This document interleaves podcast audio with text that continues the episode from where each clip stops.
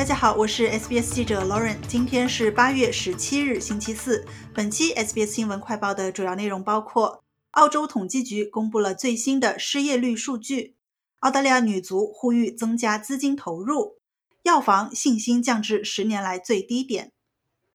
澳大利亚统计局本周四，也就是八月十七日公布的最新数据显示，澳大利亚的失业率在七月份上升了零点二个百分点，达到了百分之三点七。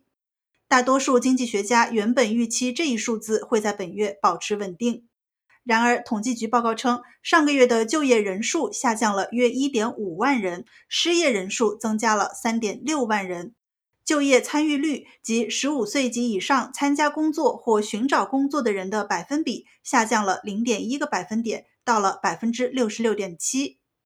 澳大利亚统计局劳工统计部门负责人比约恩·贾维斯表示，尽管就业人数下降，但仍比一年前增加了约三十八点七万人。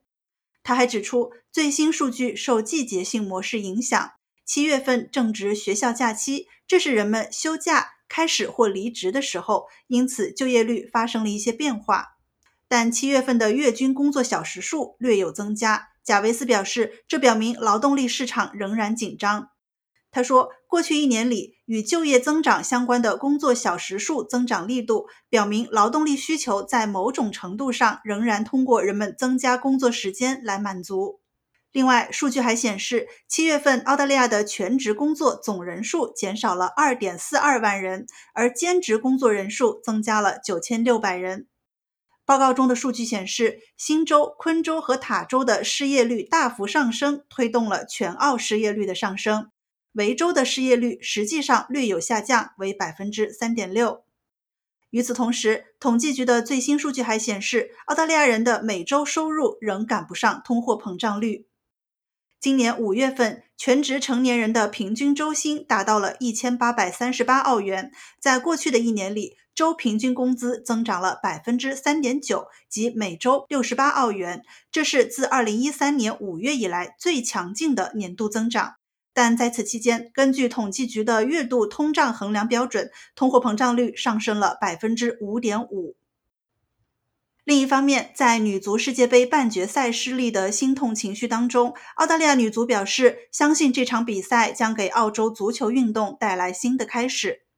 Matildas 姑娘们希望能够振作起来，在周六的季军争夺战当中击败瑞典，确保自己不会空手而归。但他们也敦促澳大利亚人在比赛结束后继续支持女子足球，并呼吁增加资金投入。副队长斯蒂芬·卡特利表示，澳大利亚所展现的支持已经永远改变了女子足球。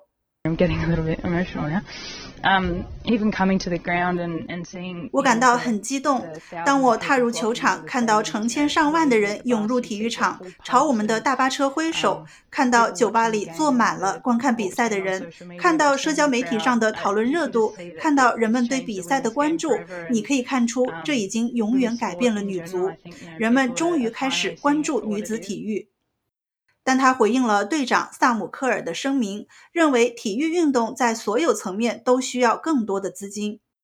科尔说：“我只能代表澳洲女足，我们的发展需要资金，我们的球场需要资金，我们需要资金，我们到处都需要资金。”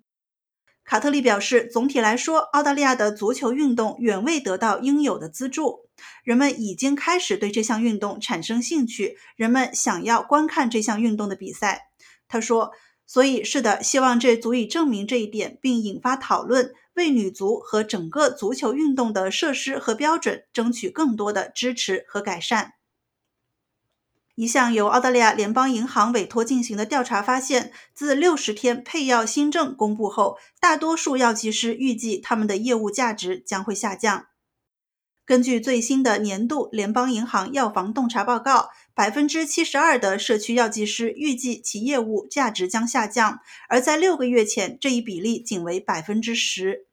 报告还显示，百分之七十九的药房考虑对以前的免费服务进行收费。政府计划从九月开始，允许患者凭借一张处方购买两个月剂量的药物，即患者可以以单次处方的费用获得两倍的药物。代表许多药房经营者的澳大利亚药师协会一直在反对这些变化。联邦政府表示，协会正在进行一场恐吓性的宣传活动，并得到了反对党的支持。感谢收听本期 SBS 新闻快报，在任何播客平台搜索 SBS 普通话，点击订阅，开启消息提醒，即可了解澳洲国内外新闻以及社区资讯。